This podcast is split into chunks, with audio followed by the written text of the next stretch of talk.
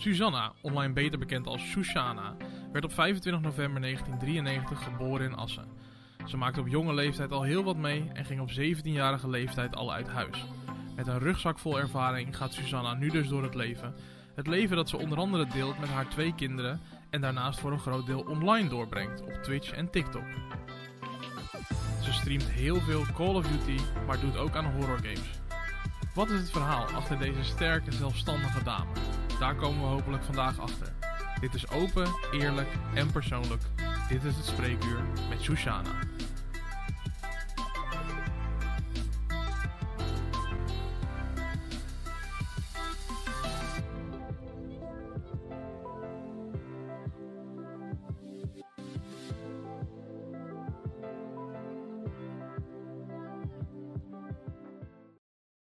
Ja, daar zijn we dan. En als je deze technische problemen ziet, dan zou je denken: ah, het vast de eerste keer dat hij dit doet. Nee hoor, we zijn bij de tiende aflevering van het spreekuur.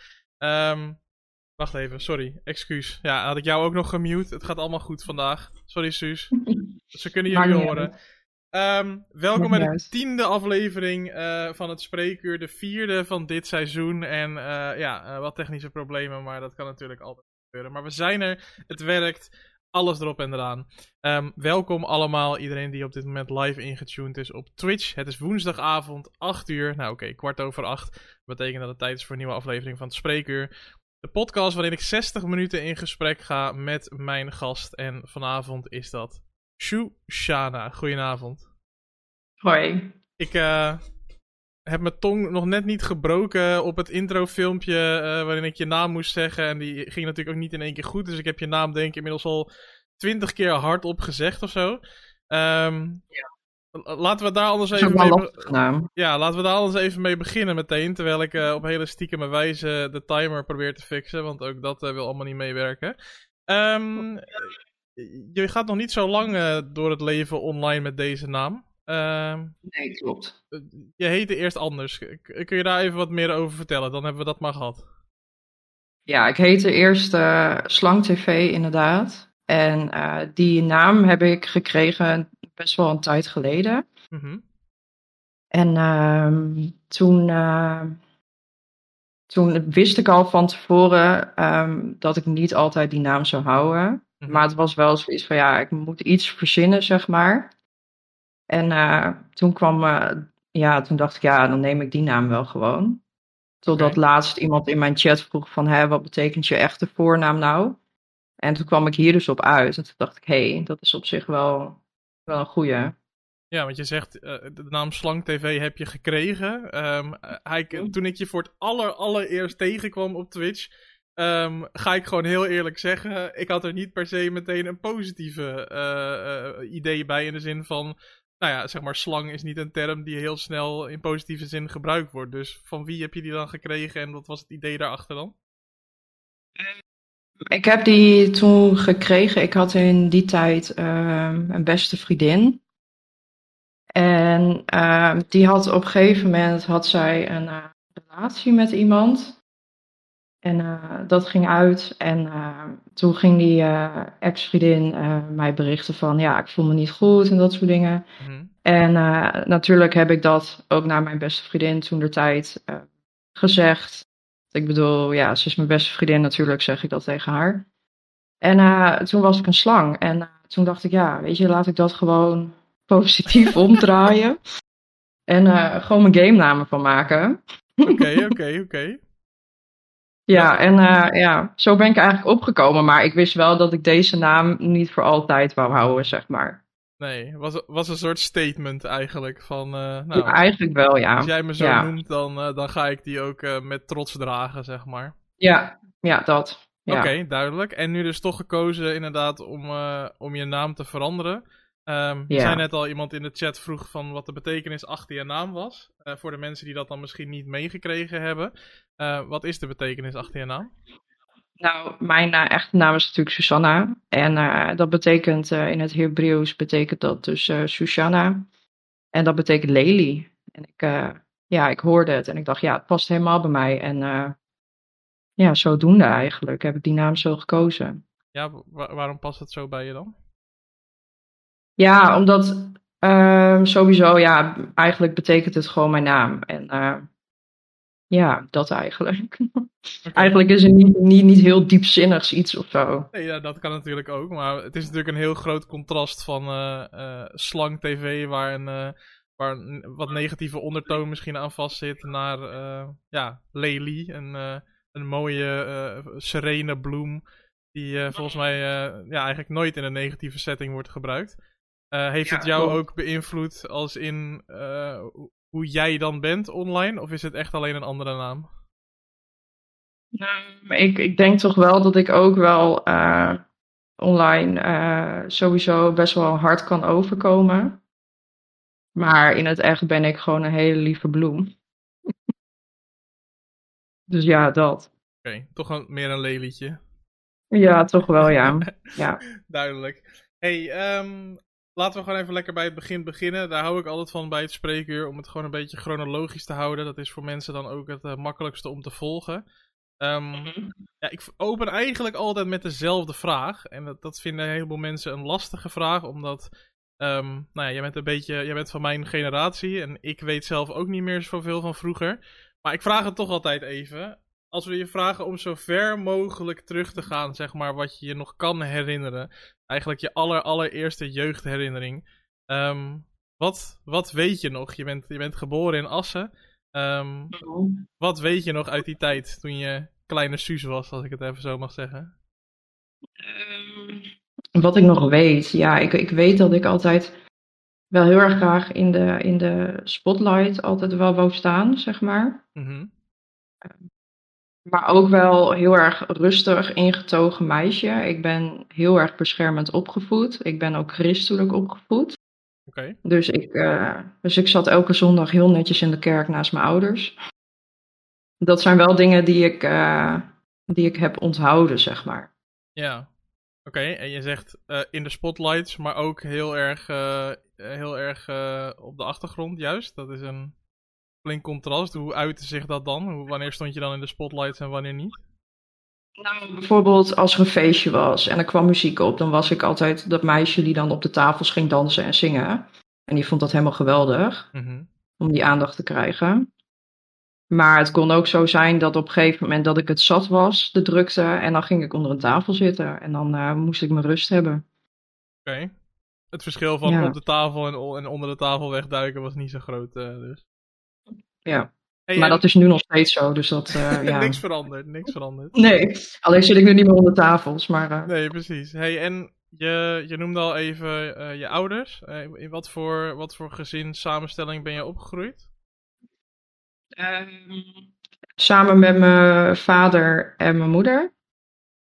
Mijn vader had nog wel uit een ander huwelijk nog twee kinderen. Mhm. Maar daar ben ik niet mee opgegroeid. Ja. En eigenlijk ook nooit echt contact mee gehad. Dus ja, ik ben als enigskind ben ik opgegroeid. Oké, hoe was dat? Ehm, ik vond dat nooit zo leuk eigenlijk. Ik, eh, ik miste altijd wel iets, iets om me heen of zo, zeg maar. Want je hoort vaak wel dat eh e- enigs kind dan wel eh, vertroeteld wordt en, en nou ja, natuurlijk de belangrijkste, belangrijkste plek heeft, omdat je toch enigs kind bent. Was dat bij jou ook zo? Ja, ja in, mijn, in mijn jongere jaren ja, zeker. En hoe, Ja. hoe Ja, ik ho- hoefde eigenlijk maar lief te kijken en, en ik kreeg het wel, zeg maar. Maar eh, vertroeteld of verwend? Ja, ook wel verwend hoor. Ja? Ja, dat heb ik echt moeten afleren. Zoals wat dan? Wat, wat is het meest verwende wat je je nog kan herinneren? Een groot cadeau of, of iets wat je, wat je ouders voor je deden of zo?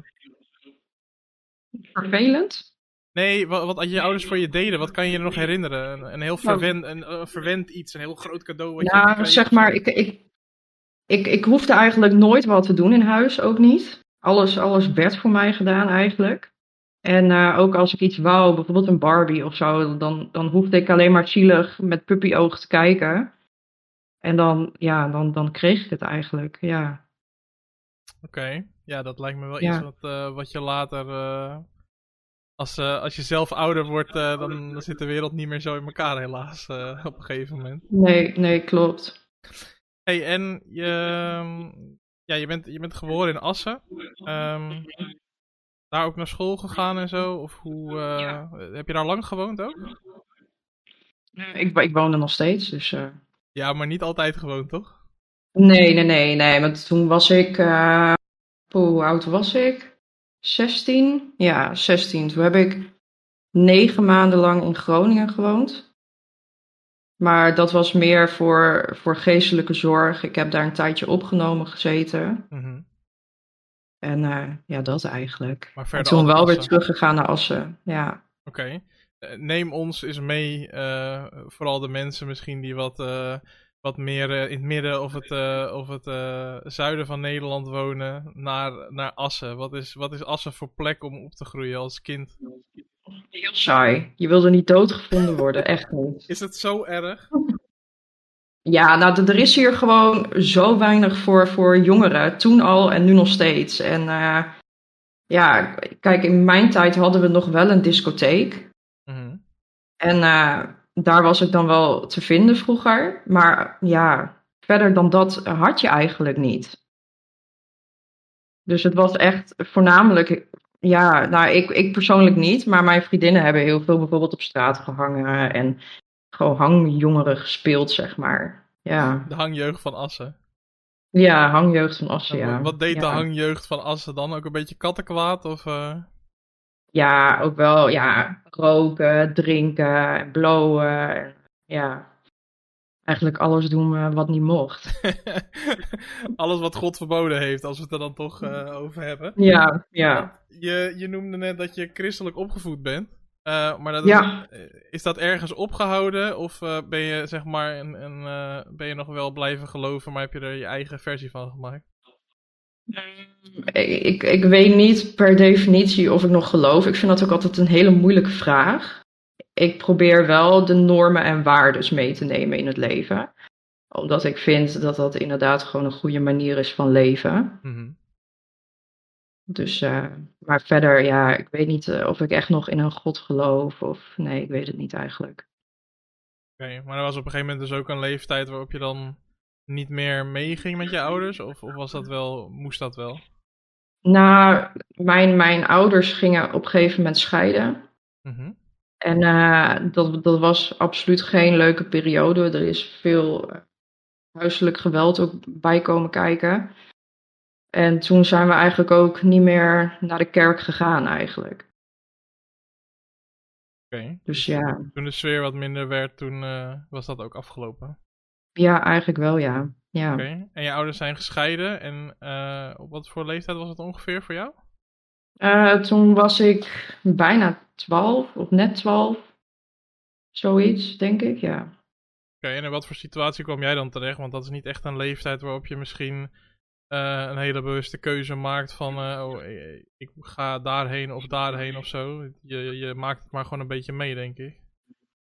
Nou, kijk, in mijn, in mijn, in mijn situatie was het wel zo dat eh, ik, had, ik had geen contact met mijn vader op dat moment. Mhm.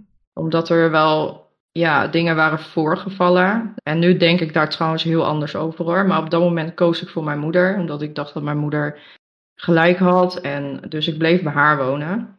Ja. En ik heb echt, denk ik, nou, wel twee, drie jaar geen contact met mijn vader gehad. Oké. En je zegt, Ja. achteraf denk je daar anders over? Heb je daar dan ook spijt van? Eh, geen spijt, want ja, ik kan wel spijt hebben, maar ik was een kind. Dus ja, ja. Je, je gaat uit van, van dat, je, dat je een van je ouders altijd eerlijk tegen je is. Mhm. En eh, ja, achteraf gezien bleek dat niet zo te zijn. Maar ja, goed, een kind kan daar verder niks aan doen natuurlijk. Nee. Maar wat, wat, wat was er dan uiteindelijk achteraf, waardoor je nu Nou, gewoon dat, dat, ik dacht altijd dat mijn vader altijd wel de, de, de boze man in het verhaal was, zeg maar. Mhm. En dan blijkt het toch ook wel dat het ook wel een andere kant heeft, zeg maar. Maar ja, op dat moment dan, ja, geloof je dat niet of ja, weet het niet. Oké. Hey, en eh, dat was natuurlijk een, een, een leeftijd waarop je wel gewoon naar school gaat en dergelijke. Hoe, hoe had dat eh, impact op, je, op de rest van je leven dan, die, scheiding en de situatie thuis? Nou, ik, eh, ik ging, het, ik ging mijn eerste jaar in op dat moment. En uh, op een gewone middelbare school zat ik toen op dat moment. En uh, toevallig was een van mijn eerste vriendjes, die zat een klas hoger dan mij. Okay. En nou, die, die klasgenootjes die kwamen erachter. En op dat moment had ik een bril en beugel. En ik was wat gezetter. En nou ja, goed, je weet hoe dat gaat dan. En dan word je opeens het pisbaltje. Mm -hmm. En uh, heel veel gepest ook geweest toen. En op een gegeven moment werd het zo erg dat ik op een gegeven moment gewoon dacht van nou, ik ga gewoon op de wc zitten te eten, omdat het gewoon te veel werd. En uh, uiteindelijk ben ik ook gewoon gestopt met naar school gaan eigenlijk, omdat ik het gewoon niet meer zag zitten. Ondertussen kreeg ik een eetstoornis erbij. Ik begon met automotileren en als je situatie thuis ook niet goed is. Mm -hmm. Want mijn moeder kreeg op dat moment ook een nieuwe vriend die niet goed was. En uh, ja, dus ik had eigenlijk helemaal geen plek om naartoe te gaan. En toen liep ik gewoon finaal vast, eigenlijk. Ja, uh, dat lijkt me op uh, zo'n jonge leeftijd best wel, best wel pittig. Hoe ben je daar uiteindelijk dan uitgekomen? Tenminste, ervan uitgaan dat je eruit bent gekomen. Ja, ik, ik, ik ben er zeker wel voor een deel uitgekomen. Um, op een gegeven moment ben ik natuurlijk een opname gegaan. Ik heb daar tussendoor heb ik wel dagbehandelingen gevolgd en dat soort dingen. En, maar school bleef altijd wel een dingetje voor mij. Mm -hmm. En uh, toen op een gegeven moment toen kwam de leerplichtambtenaar om de hoek steken. En die zei van ja, weet je, maar zo kan het ook niet langer. Dus toen kreeg ik de optie of uh, mezelf laten opnemen of naar de jeugdgevangenis. En uh, toen ben ik voor opname gegaan. Ja.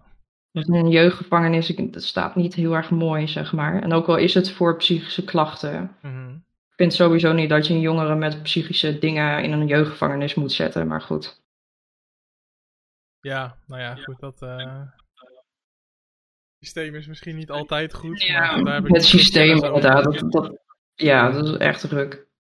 Maar en, ja, je, je, zegt het nu, kijk, we hebben elkaar natuurlijk wel uh, van tevoren even gesproken. En je zegt ook even zo, ja, uh, toen ben ik natuurlijk in opname gegaan. Maar voor een hoop mensen misschien die dit kijken of luisteren, is dat niet heel uh, gebruikelijk. En die zullen dat misschien ook nooit van dichtbij meemaken.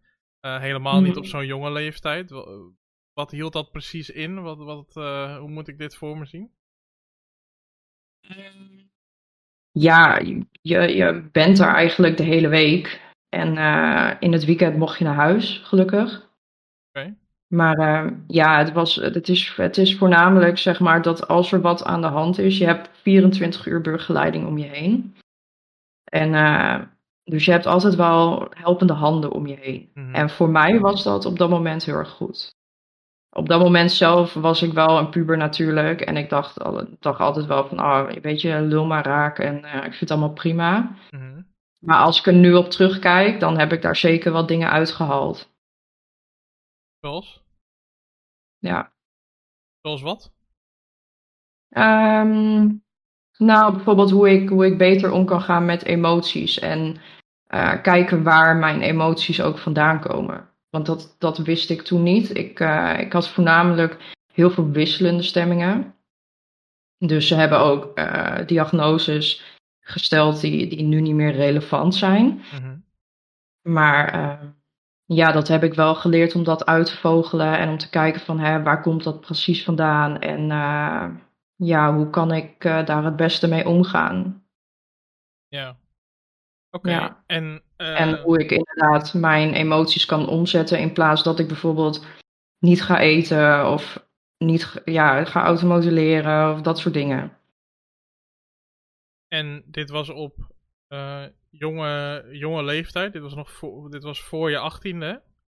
Ja. Um, en op een gegeven moment uh, ben je op jezelf gegaan. Want hoe lang, hoe lang heb je uiteindelijk in opname gezeten?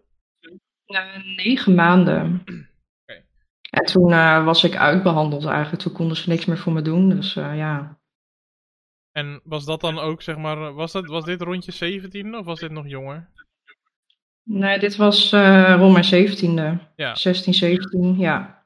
Want ben je toen, ja. toen ben je terug naar huis gegaan, maar je bent vrij snel ook weer uit huis gegaan, begreep ik. Ja, klopt. Want op een gegeven moment had mijn moeder weer een andere vriend. En dat was ja, een hele aardige guy verder hoor. Maar zijn leefomstandigheden waren ook niet goed. En mijn moeder vertrouwde mij niet alleen thuis door het verleden. En uh, ja, dus ik, dus ik, ja, ik sliep op een bank en dat was ook niet goed. En op dat moment, uh, ik heb mijn partner leren kennen toen ik 17 was. En uh, toen hebben mijn schoonouders gezegd van, nou ja, goed, weet je, zo kan het ook niet langer. je gaat maar gewoon hier wonen. Ja. Dus toen heb ik dat gedaan eigenlijk, of nou niet helemaal niet samenwonen, maar bij je, bij je schoonouders wonen eigenlijk. Ja, een half jaar later wonen we wel samen hoor, maar ja. in een ander huis. Oké. Maar dus eigenlijk vanaf mijn zeventiende ben ik uit huis, ja. Zestiende eigenlijk al.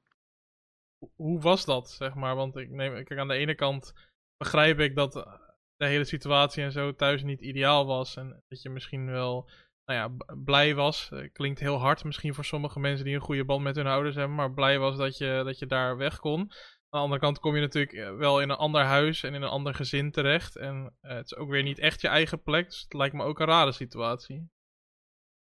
Het was ook een hele rare situatie. En uh, het is vooral dat je in één keer in een best wel warm nest terechtkomt, zeg maar. Mm en dat was voor mij wel heel erg wennen en ook wel heel erg moeilijk. Want juist die band, hoe, hoe, uh, hoe hun dat hadden, dat had ik heel graag gewild. En dat zag ik op dat moment. Dus daar heb ik, dat, daar heb ik het ook wel heel erg moeilijk mee gehad.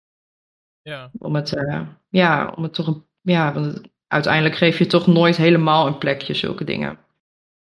Maar je zegt je vergeleek de warme band die je schoonouders thuis hadden, zeg maar, met elkaar, met de situatie bij jou thuis. Maar als we hem even verder terugspoelen, dan had je het over hoe je vertroeteld en verwend werd door je eigen ouders. Dus het is wel, je kende dat gevoel toch wel, dat is er wel geweest.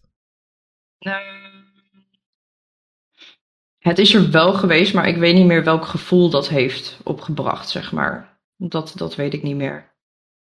Omdat het zo lang geleden is? Ja, dat denk ik wel, ja. ja. Oké, en toen hebben jullie daar dus even gewoond en uiteindelijk zijn jullie dus vrij snel uh, samen gaan wonen, begrijp ik. Um, hoe, hoe zag het leven er dan toen op 18, uh, 18 19-jarige leeftijd uit? Want um, als ik het goed begrijp, heb je de middelbare school uiteindelijk dus niet af kunnen maken. Um, wat, wat ging je toen doen? Ik ben her en der overal gaan werken op een gegeven moment eigenlijk.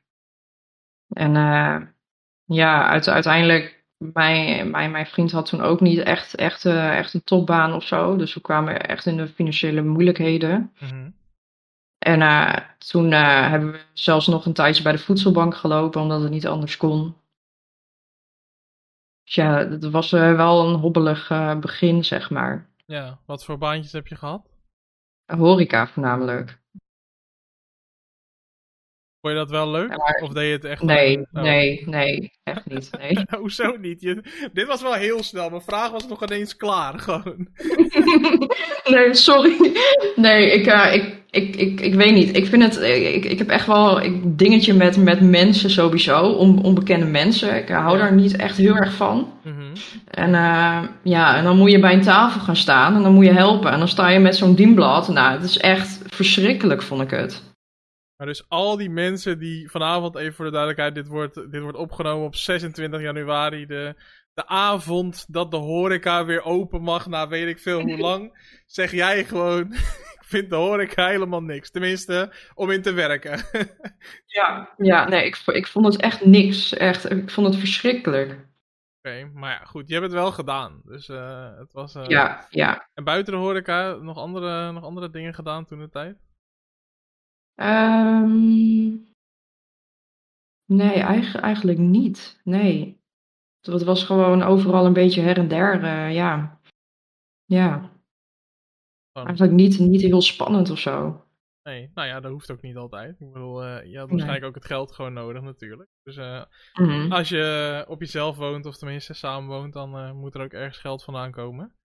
Ja, klopt. Hey, en maar goed, en, uh, op een gegeven moment dan, dan nee, je werkt zo'n beetje hier en daar en uh, je had dan geen school afgerond. Had je, niet, had je nog de drang om, om iets met school te gaan doen of iets te gaan leren of een bepaalde passie die je verder wilde gaan ontdekken? Uh, passie wel. Ik heb, ik heb altijd wel een passie gehad voor, voor grafische vormgeving. Ik vond het ook vroeger altijd heel erg leuk om bijvoorbeeld websites op te bouwen en dan dingen en dan afbeeldingen te, uh, te bewerken en dat dan neer te zetten. En uh, dat, dat was altijd wel een hele grote hobby voor mij. Dat heb ik eigenlijk altijd al wel gedaan. Maar gewoon als hobbymatig zelf alles opzoeken, hoe dingen moesten. En ja, dat eigenlijk. En op een gegeven moment op latere leeftijd wou ik nog wel een, studie ervoor volgen. Ja. Uh, toelatingstoetsen gedaan, et cetera. Maar ja, toen las ik van hè, wat leer je in die vier jaar. En toen dacht ik, ja, maar dit, dit weet ik eigenlijk allemaal wel. En ja, ik ken mezelf als ik dingen weet en geen uitdaging erin heb. Dan, dan ga ik dit niet afmaken, dacht ik. Dus dat heb ik toen ook niet gedaan. En uh, uiteindelijk ben ik bij een bedrijf terechtgekomen. Uh, daar heb ik een tijdje voor gewerkt als grafisch vormgever. -hmm. En uh, toen kwam ik in een burn-out terecht. En toen er uiteindelijk voor gekozen van oké, okay, ik ga het gewoon voor mezelf doen. En geen bedrijven meer bij. Ja, als zelfstandige, zeg maar. Ja. ja. Maar het zegt ook wel heel erg iets over jou, denk ik. Dat je zo'n zo'n toelatingstoets doet en zo'n omschrijving van zo'n opleiding bekijkt en dan tegen jezelf zegt: Ah joh, maar dit kan ik allemaal al, laat maar zitten. Zeg maar, wat, wat, wat is dat? Daar, daar straalt iets heel eigenwijs van af natuurlijk. Iets heel erg van, ik fix het allemaal zelf wel. Ja, ja ik, ik, ik heb sowieso die, die, die mentaliteit heel erg hoor. Dat, dat ik vind dat ik alles zelf moet doen. Ik Mhm. ben ook iemand die niet snel hulp vraagt. Omdat ik inderdaad gewoon ook op mezelf trots wil kunnen zijn. Dat ik dingen zelf kan behalen zonder andermans hulp. Oké. Maar is dat. Maar oké, je vindt het moeilijk om hulp te vragen omdat je het zelf gedaan wil hebben. Ja, je moet er zelf ook al een beetje om lachen. Dit, dit, ik, ja, weet je, ik, zie ik, dat, ik- ik zie aan dat lachje dat dit je ook wel eens in de problemen heeft gebracht. Gewoon 100%. Dat je, iets, dat je niet om hulp gevraagd hebt en dat je achteraf dacht, had ik het nou maar wel gedaan. Oh ja, ja, zeker. Heel, heel vaak ook dat mensen tegen mij zeggen van Suus, accepteer nou gewoon eens een keer hulp. En eh, je hoeft niet alles alleen te doen. En eh, ja, volg onze adviezen nou op. En ja, ik ben gewoon stront eigenwijs daarin. Ik moet overal achterkomen zelf. Ja. Dat is eigenlijk met alles zo hoor. Ook, eh, ook eh, dingen die gebeuren in mijn leven. Dat mensen ook me waarschuwen van Suus, doe dat nou niet. Mhm. En dan denk ik, oh jawel. We gaan het gewoon proberen en we zien het wel weer. Ja, en dan achteraf krijg je altijd te horen van, ja, we zeiden het toch? En dan denk ik, ja, hè. en, dan, en dan waarschijnlijk achteraf zelfs niet toegeven, of wel? Ja, jawel, jawel. Oh, dat dan Ik, wel. dat nog wel. Ja, ja, ik geef het altijd wel toe, zeg maar. En dan ben ik ook altijd gewoon eerlijk. En dan zeg ik gewoon, ja, ik, ik moet zelf gewoon achter dingen achterkomen. Ik vind het heel lief dat jullie me waarschuwen, maar ja, ik, ik moet er zelf altijd achter komen. Ja. Altijd. Ja. Maar ehm 17-jarige Suus die accepteerde wel hulp. Tenminste, eh, jezelf laten opnemen eh, tegenover jeugdgevangenis. Het was misschien een beetje een, eh, hoe noem je dat? Een duivels dilemma. Ehm, Ja. maar je doet meteen zo. Heb je die opname niet helemaal gedragen? Of, want ik zie iets aan je zo van, nou, die hulp accepteerde ik eigenlijk ook niet. Nou, ik, ik moet wel eerlijk zeggen dat, dat ik, ik heb me daar niet altijd eh, even heel erg goed gedragen. Dat, eh, dat sowieso. Maar eh, ja, het, is- kijk, als je minderjarig hebt, heb, heb je ook niet echt een keuze. Dan moet je eigenlijk wel gewoon eh, gaan volgen wat er van je wordt verwacht. Ja. En op dat moment werd er dat van mij verwacht. En ik heb daar ook zeker heel veel geleerd en heel veel gelachen ook. En heel veel kattenkwaad uitgehaald. En ja, aan de ene kant, het was een hele zware periode in mijn leven. Maar ook wel echt eentje die, die, ja, die ik eigenlijk toch niet had willen missen. Omdat ook de mensen die daar zaten, ja, het was gewoon soms één grote apenkooi daar. Het was gewoon ook wel leuk, zeg maar. Wat, eh, wat is het gekste wat je daar hebt meegemaakt of, of zelf hebt geflikt? Wat ik zelf heb geflikt, ik denk toch eh, uit de ramen klimmen s'avonds om, eh, om, om op het balkon te kunnen roken, drankflessen onder mijn bed, om zo, zodat we konden zuipen en eh, ja, dat soort dingen. En eh, het gekste wat ik heb meegemaakt, ja, ik, ik, ik, had het toevallig laatst nog met iemand over. Daar heb ik dan weer een tijdje contact mee. Daar heb ik samen mee daar gezeten. En toen hadden we het zo over dat, dat nou een meisje, die was daar een beetje. Nou ja, die was altijd wel een beetje suicidaal en zo. En dat is best wel heftig. Mhm. Maar op een gegeven moment uh, was ze boos op, op iemand. En toen ging ze op het dak zitten. En het was zo'n heel groot, hoog herenhuis, weet je wel. Dus uh, ja, de brandweer, alles moest erbij komen om haar van het dak af te halen. En uh, nu, als ik er nu aan terugdenk, ja, kan ik er wel om lachen natuurlijk. Ja, nou maar op dat moment was het wel, ja. Maar dat is wel het gekste, denk ik. Vooral omdat het goed afgelopen is, waarschijnlijk. ja, ja, het is goed afgelopen, gelukkig. Ja. ja. Oké. Okay. Um, hey, uh, je bent, uh, uh, nou, we hebben al gezegd, hè, je bent, je bent Twitch-streamer, je bent je zit op TikTok, je, je, bent een heleboel dingen, um, maar je bent ook moeder. Ja, klopt. Van hoeveel kinderen? Twee, twee jongens. Eentje van, eentje van acht en eentje van vijf. Oké. Okay. Um, dus ik was er best jong bij. Ja, hoe, hoe was dat? Uh, want je was dus, wat was het, 20? 21? 19. Oh, 19 zelfs. Oké, okay, sorry, verkeerd gerekend. Ja. Um, ja. ja, dat is inderdaad jong. Helemaal als je, nou, zat je dus net in die overgangsfase. Woonde je toen al samen of woonde je toen nog bij je, bij je schoonouders? Nee, nee, nee. Toen, toen woonden we al een aantal jaar samen. Ja. op kamers. En we stonden wel ingeschreven bij, bij zo'n huurcorporatie. Mm -hmm. En op een gegeven moment kregen we een appartement. En toen hadden we zoiets van, ja, wat, wat, wat mist er eigenlijk nog? En toen hadden we zoiets van, ja, toen op dat moment hadden we een stabiel inkomen. Nou, we hadden ons appartement met een extra slaapkamer. En toen hadden we zoiets van, ja, weet je, misschien moeten we gewoon kinderen gaan uh, proberen te krijgen, zeg maar. Ja. Ja, toen, uh, ja. Was, ja, toen waren ze natuurlijk, zeg maar. Was toen dus nog niet, geen ongelukjes of... Laten we er een gamekamer van maken. Nee, het werd laten we er een kinderkamer van maken. Ja, ja. Was je toen al van het gamen eigenlijk, of niet? Ja, oh, dat ja alleen toen, toen, toen zat ik gewoon op de Playstation, op de bank. En uh, ja, eigenlijk dat was er gewoon, zeg maar, af en toe eens gamen en zo. Maar niet uh, zoals nu. Nee, dus uh, een gamekamer was niet in je opgekomen. Dus... Nee, nee, totaal niet. Dan maar een kinderkamer. Ja, en eh, op die leeftijd, uh, leeftijd, ja, het klinkt zo uh, veroordelend, meteen zo bedoel ik het niet, maar relatief jong moeder worden, dat je hebt al een jeugd doorgemaakt waarin je heel veel verantwoordelijkheid moest nemen, denk ik zelf. Wat dacht je? Ik pak maar gewoon meteen door en met de grootste verantwoordelijkheid die je misschien wel kan krijgen in het leven? Of ja, hoe was dat?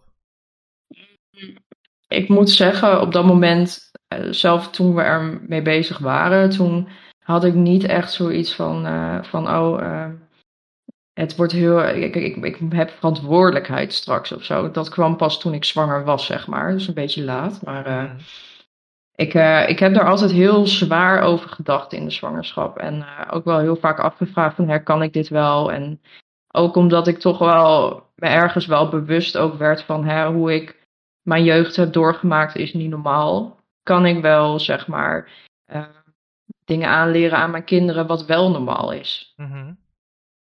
En daar heb ik wel heel zwaar over gedacht. En eigenlijk nooit echt wat tegen mensen gezegd dat ik daar heel zwaar over dacht. Mm-hmm. Uh, maar uiteindelijk is het allemaal heel erg meegevallen eigenlijk. Is het, nu je het zo zegt, hè, is het stiekem misschien, zonder dat je het door hebt gehad, ook een beetje een drijfveer geweest van ik wil ervoor zorgen dat ik kinderen op de wereld zet en die dan een goede jeugd meekrijgen, zeg maar, en niet meemaken wat jij mee hebt gemaakt? Ja, en toch ook wel, zeg maar, want ik heb mij eigenlijk altijd wel heel erg alleen gevoeld. Um, ik denk toch ook wel ergens wel misschien ook wel het idee erachter van dan ben ik niet meer alleen. En dan heb ik iets om voor te zorgen en wat altijd bij mij blijft. Mm Wat nooit weggaat.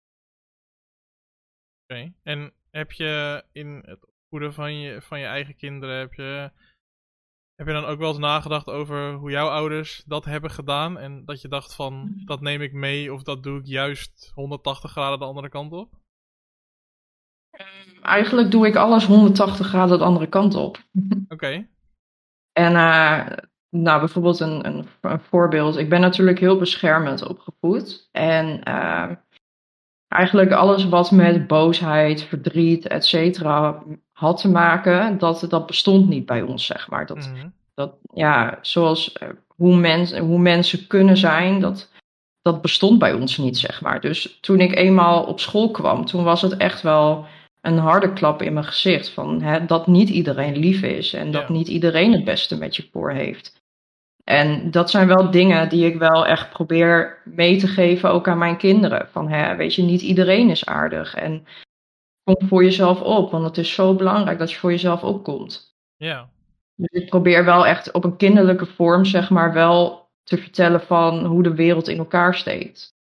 Ik vind dat wel heel erg belangrijk, dat, dat hun daar klaar voor zijn. Ja, snap ik. Ehm, Ja. Heb je het gevoel dat, dat het een beetje lukt? Ja, hele Jawel. lastige vraag, maar... Ja, zeker, zeker. Want ik, ik bijvoorbeeld, ehm, ik leer bijvoorbeeld, kijk, mijn, mijn, mijn jongste is best wel zwaar autistisch. Dus dan bij hem dingen uitleggen is gewoon heel erg lastig. Maar bijvoorbeeld, bijvoorbeeld bij mijn oudste, die is dan acht jaar. En uh, nou, die heeft dan voor het eerst nu een, uh, een vriendinnetje, heel, heel schattig en zo.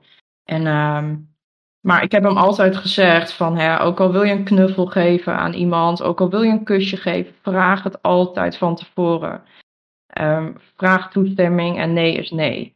En laatst kwam hij dus bij me en toen zei hij van, ja mama, ik moet je wat vertellen. Ik zei, nou, wat dan? Dus nou, ik hield mijn hart al vast. Hè. Ik denk, oh nee, hè, nu, nu gaat het komen. En ja. hij zei, ja, ja, ik heb uh, mijn vriendinnetje een, een, een, kusje gegeven. Dus ik uh, vroeg zo aan hem, had je het ook gevraagd aan haar? Toen zei, ze, toen zei hij, ja natuurlijk, want zo heb jij me het geleerd. En dan denk ik, ah, oh, gelukkig, dan, dan doe ik toch nog wat, wat goed, zeg maar. Het was een uh, trots momentje, denk ik. Ja, zeker, zeker. Ik zie het ook meteen aan je. Goed, ik, ik zie het meteen aan je ook gewoon. Ja, nee, maar dat, dat vind ik heel, ik vind dat heel fijn dat, dat dan dat als ik het dingen probeer aan te leren, dat dat dan ook wordt opgepakt. En dat hij er ook wat mee doet, zeg maar. Ja, nee, dat is heel begrijpelijk. Oké. Ja. hey, uh, dat lijkt me ook uh, aardig wat uh, tijd kosten natuurlijk. Niet om negatief over kinderen hebben te praten, maar ik bedoel, het kost gewoon veel tijd, neem ik aan. Um, ja. Hoe vind je, ja, hoe, hoe, vind jij ook nog tijd voor jezelf en, en om, nou ja, je werkt dus nog als zelfstandige. En uh, invulling van je vrije tijd komen we zo op. Maar hoe, hoe hou je dat allemaal bij? Misschien dat er mensen nu luisteren, ook met kinderen die daar misschien moeite mee hebben. Misschien heb je een gouden tip of uh, misschien doe jij iets anders dan anderen. Ik heb er ook moeite mee. oh, nou, lekker dan.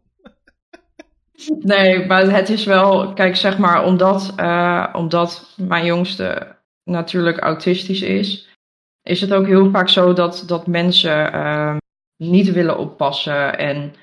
Uh, dus ik ben heel erg afhankelijk van mijn partner, zeg maar. Wat, wat, of ja, weet je, een van ons moet altijd thuis blijven. Mm -hmm.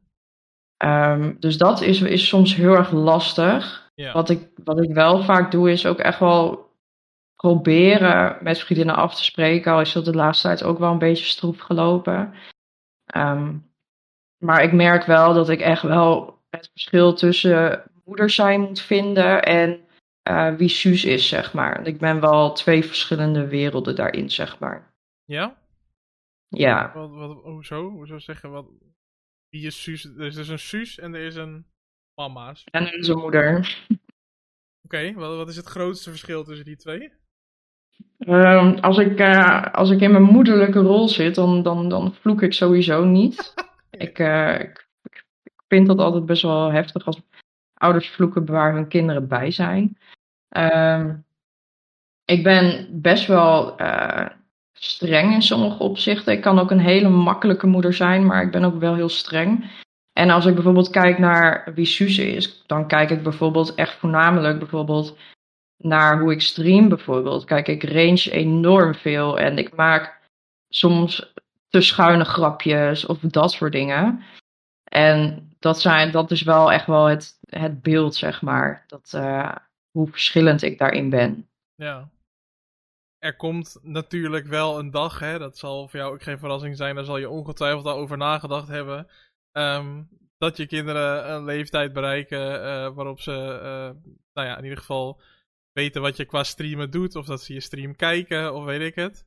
Heb je daar al, uh, heb je al een plan, zeg maar, voor als, als dat gebeurt? Dan moet ik wat uh, meer ingetogener gaan uh, streamen, denk ik. Ja, ga je dat dan, ga je dat dan echt doen, ja? Ja, ja. Oké, dat is wel. Het is, het, is, het, is, het is wel natuurlijk wat voor leeftijd. Kijk, mijn oudste weet wel dat ik stream. En hij is soms ook wel eens in de stream geweest. En dan hou ik het wel echt heel kindvriendelijk ook. Ja. Maar uh, ja, tuurlijk, er, er komt een dag dat hij ook bijvoorbeeld op, op TikTok gaat of op Instagram. Of ja, of, dat, dat, dat zijn vrienden mij vinden of dat soort dingen. Ja ja, dan moet ik echt wat ingetogener gaan, uh, gaan streamen en alles, denk ik, ja. Gaat dat lukken? Ja, 100%. Oké, oké, oké. Dus daar heb je al wel een beetje een plan voor. Um, en, ja, en ja. Hoe, hoe, ben je daar sowieso mee qua... Uh, want je noemt nu net uh, TikTok en Instagram. Dat zijn natuurlijk twee social media die ontzettend populair zijn. Ook onder steeds jongere leeftijden.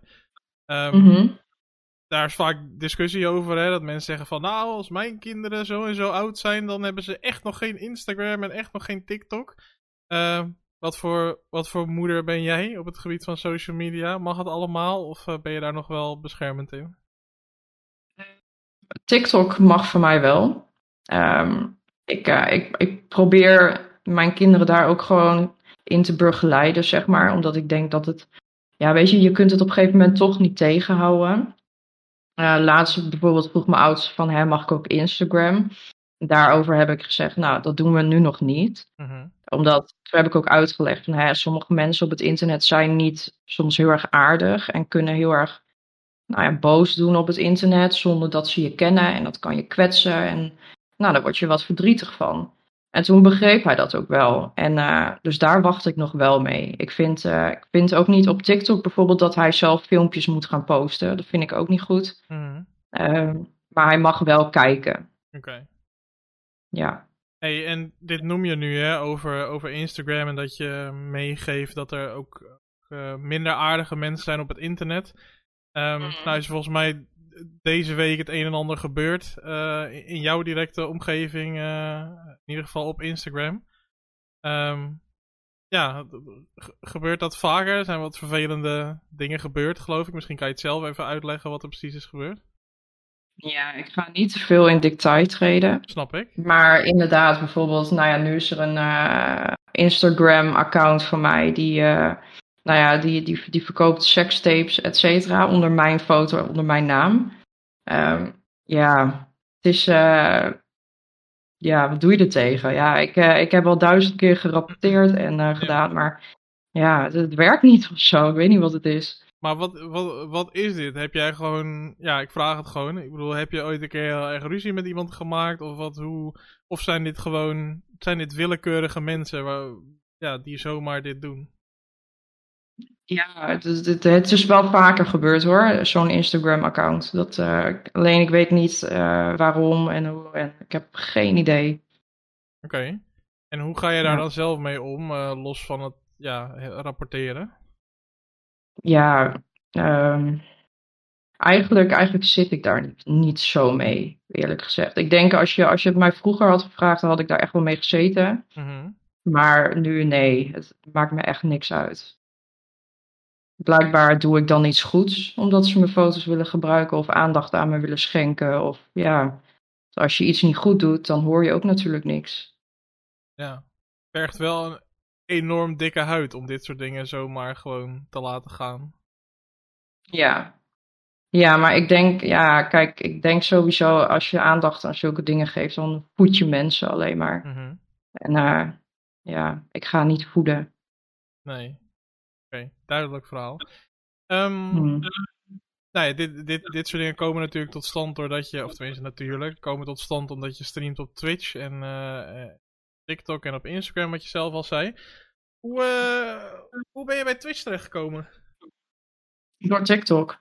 Door TikTok, vertel. Ja, door, door TikTok. Het was toen uh, op een gegeven moment ehm, kreeg ik last van hypochondrie. En ik weet niet of, of je daar bekend mee bent, zeg maar.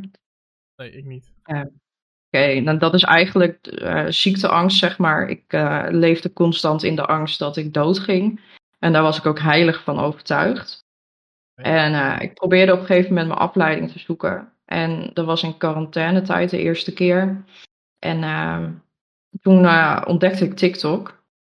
En toen gamede ik ook weer. Eigenlijk best wel heel erg veel. Om afleiding te zoeken. En op een gegeven moment kwam ik filmpjes tegen van Warzone op TikTok. Mhm. En toen dacht ik, hé, hey, dat is op zich wel leuk. Misschien kan ik dat ook wel eens gaan doen. Dus toen ben ik gaan clippen op mijn PlayStation. Maar ja, ik kwam er al heel snel achter dat clippen op PlayStation en dan editen echt nou, een wereld van bewerken is. Dus verschrikkelijk. Ja. En uh, toen op een gegeven moment toen kwam ik er dus achter dat je op Twitch gewoon zeg maar je video's kon opslaan. Mhm. Als je live uitzending had, zeg maar. Ja. En uh, toen, uh, toen heb ik dat dus gedaan. En toen kwam één persoon telkens terug. En die zei van, Suus, je moet hier echt verder mee gaan. Je moet, je moet eigenlijk gewoon ook interactie leren en zo. En gewoon, gewoon doen dit, want je bent er gewoon goed in. En uh, dat heb ik toen eigenlijk gedaan. Maar het heeft wel heel lang geduurd voordat ik een webcam aan heb gesloten. Heel lang. Ja? Waarom? Ja. Omdat ik toch wel heel erg bang was voor de oordeel van mensen, zeg maar, die ik zou krijgen over mijn uiterlijk of uh, ja. Dat, dat, is niet de, dat is niet de eigenwijze uh, Suus, zeg maar, die ik de afgelopen drie kwartier heb horen praten. En tenminste, de, hoe noem je dat? vol vertrouwen, vol zelfvertrouwen ben je drie kwartier aan het praten en nu opeens dit. Ja, klopt. Maar hoezo dan? Ik, dit, is, dit matcht niet. Nee, klopt. Nee, um, Kijk, ik kom sowieso. Kijk, ik, het is niet dat ik moeite heb met mijn uiterlijk of dat soort dingen. Maar ik zat natuurlijk toen op dat moment ook wel echt wel in een dark place. En uh, toen, uh, ja, ik weet het niet. Ik, ik, ik voelde mezelf niet meer. Ik, uh, nee, ik kon mezelf gewoon niet meer aankijken. Ik vond mezelf echt verschrikkelijk op dat moment. En toen had ik zoiets van: nee, ik, ik wil geen webcam gebruiken. Want ik krijg vast te horen dat er van alles met me aan de hand is en dat trek ik nu niet. En ja, dus toen heb ik dat nog, nog niet gedaan. En op een gegeven moment begon ik wel met af en toe hem aan te zetten.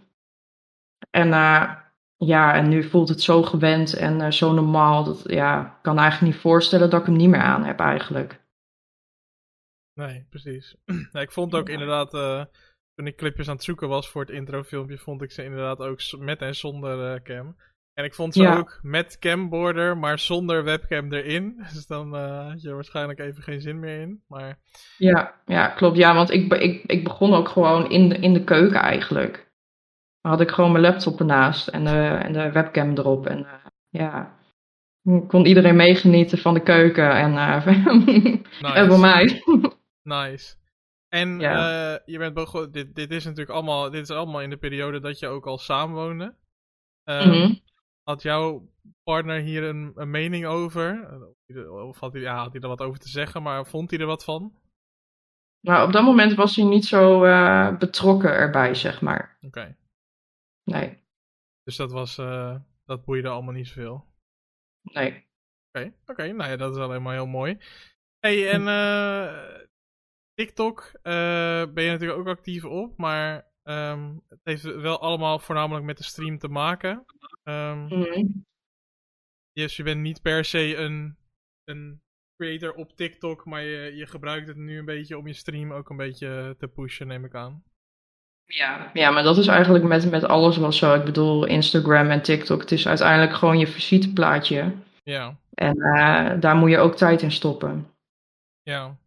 En, hoe... en, je merkt er ook echt wel verschil in als ik bijvoorbeeld een week lang niks doe en dan ga streamen. Daar, ik merk dat wel. Ja. En hoe, uh, hoe, hoe serieus kan het streamen voor jou worden eigenlijk? Want je steekt er veel tijd en energie in, tenminste, als ik het zo van buitenaf zie. Ehm, zit daar nog een droom om daar echt, echt serieus meer mee te gaan doen? Ja, ja zeker. Ik, ik wil daar wel in wel groter worden. Dat sowieso. En ook uh, vooral veel, veel aandacht ook geven aan, aan geestelijke zorg, et cetera. Want ik vind dat dat te weinig wordt gedaan. Dat daar wat meer oor naar moet zijn. En dat is wel iets wat ik wil doorzetten met mijn stream eigenlijk. Oké, hoe zie je dat voor je? Um, door altijd open te zijn, ook naar mijn kijkers. En ook de hulpende hand aan te kunnen bieden. Maar ook bijvoorbeeld, ik krijg ook wel eens berichten van...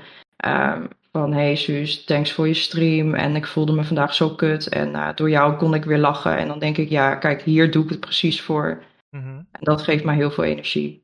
Ja. Ja. En, um, maar dat kan je, kan je ook heel veel energie kosten natuurlijk. Hè? Ik ga gewoon even advocaat van de duivel spelen. Ja, um, op het moment dat je ja, misschien live gaat om andere mensen op te vrolijken of om andere mensen een plezier te doen. Um, is dat voor jou dan wel nog leuk, zeg maar? Ja, ja nog steeds.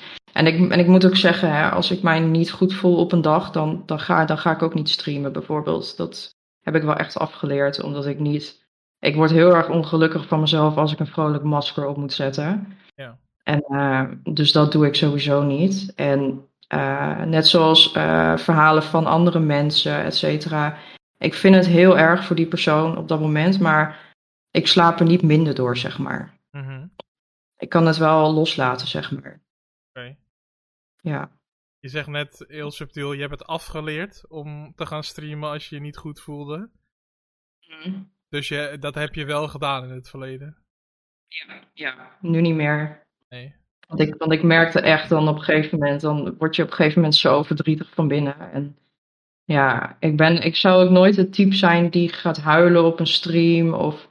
Nee, zo ben ik niet. En uh, dus dan zet ik een masker op. En dan, uh, ja, maar dan heb je jezelf alleen maar tekort mee. Ja. Dan word je zelf ook intens verdrietig van. Ja. Heb je, heb je zelf, als ik je zo hoor praten en ik kijk een beetje terug op uh, waar we het net allemaal over hebben gehad. Um, je, je bent een beetje bezig met een plek creëren die je zelf misschien vroeger heel hard nodig had. Ja, klopt. klopt, eigenlijk wel. Maar dat is wel heel grappig dat je dat trouwens zegt. Want ik had het er laatst nog met iemand over. Dat, dat als in mijn jeugd Switch was geweest, dat, dat het waarschijnlijk wel anders was geweest, zeg maar. Dat als ik een warme community had gevonden, mm -hmm. waar ik wel gewoon me gewaardeerd in voelde, dat, dat ik waarschijnlijk dan niet zo was doorgeslagen geweest. Dat is best wel even een, dat is wel een besefmomentje, denk ik. Ja, zeker, zeker. Want, ik, ik, ja, want je kunt je soms zo alleen voelen in de wereld. En hoe mooi is het dan als je dan een community vindt waarin je wel een stem hebt. En waar je gewoon wel jezelf mag zijn. En je problemen kan voorleggen. En ja, weet je dat je vriendschappen kan sluiten die je, die je moeilijker in het echte leven kan sluiten, zeg maar. -hmm. uh, dat is natuurlijk heel mooi. Anderzijds lijkt me dat via internet natuurlijk ook altijd wel lastig. Um, je geeft net, nou ja, net het voorbeeld, weet je wel. Er zitten ook mensen bij die wat minder lief zijn.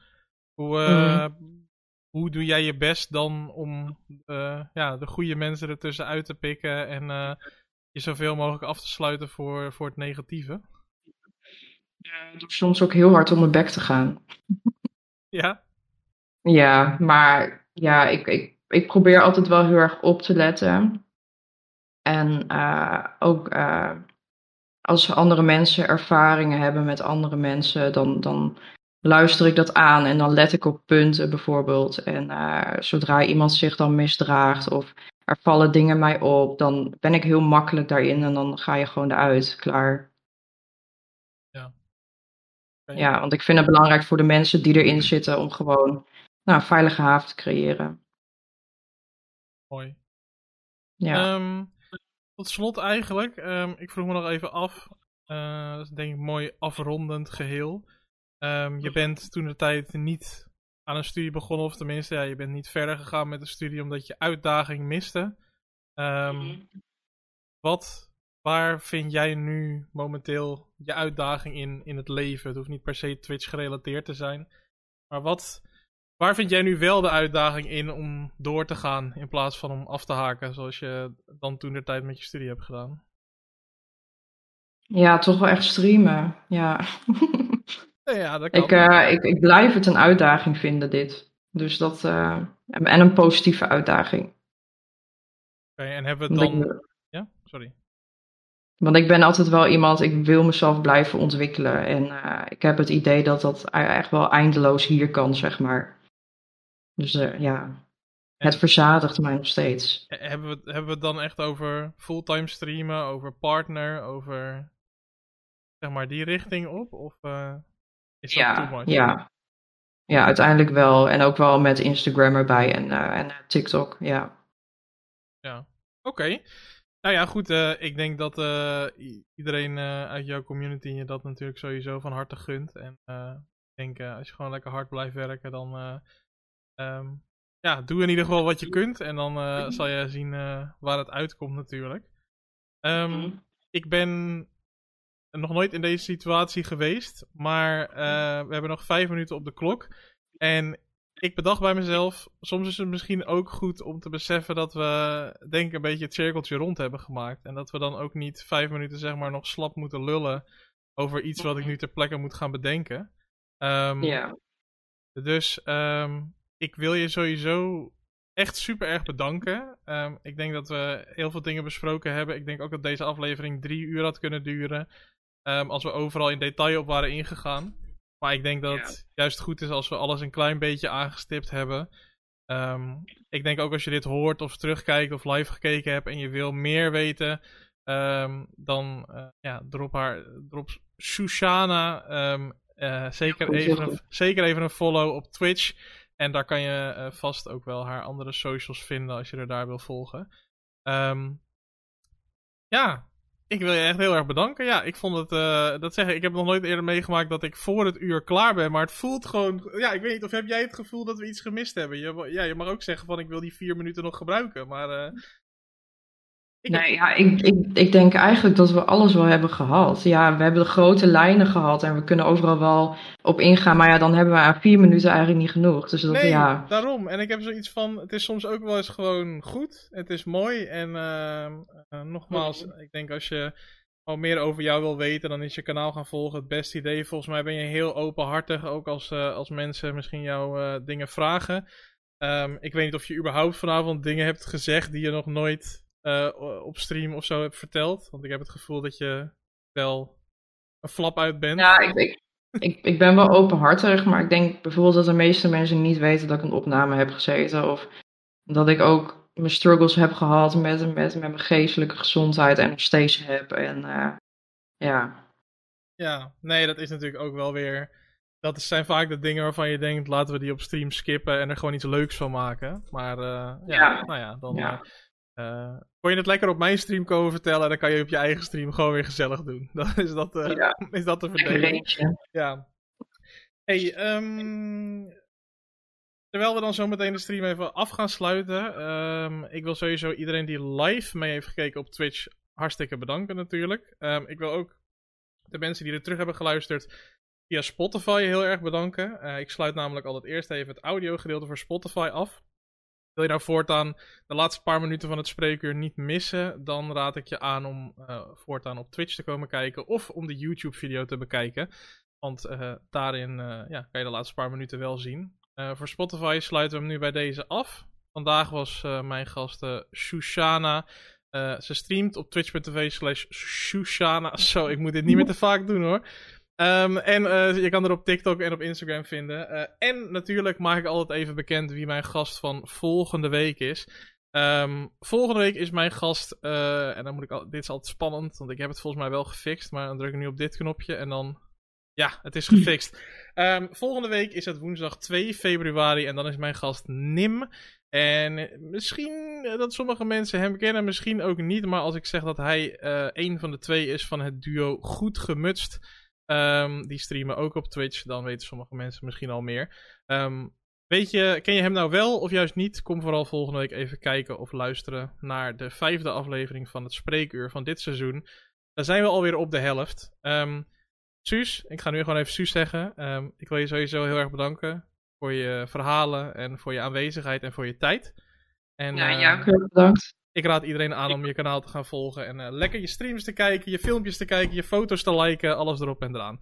Ehm, Spotify-luisteraars, bedankt voor het luisteren. Ehm, en hopelijk tot volgende week bij de volgende aflevering van Het Spreekuur.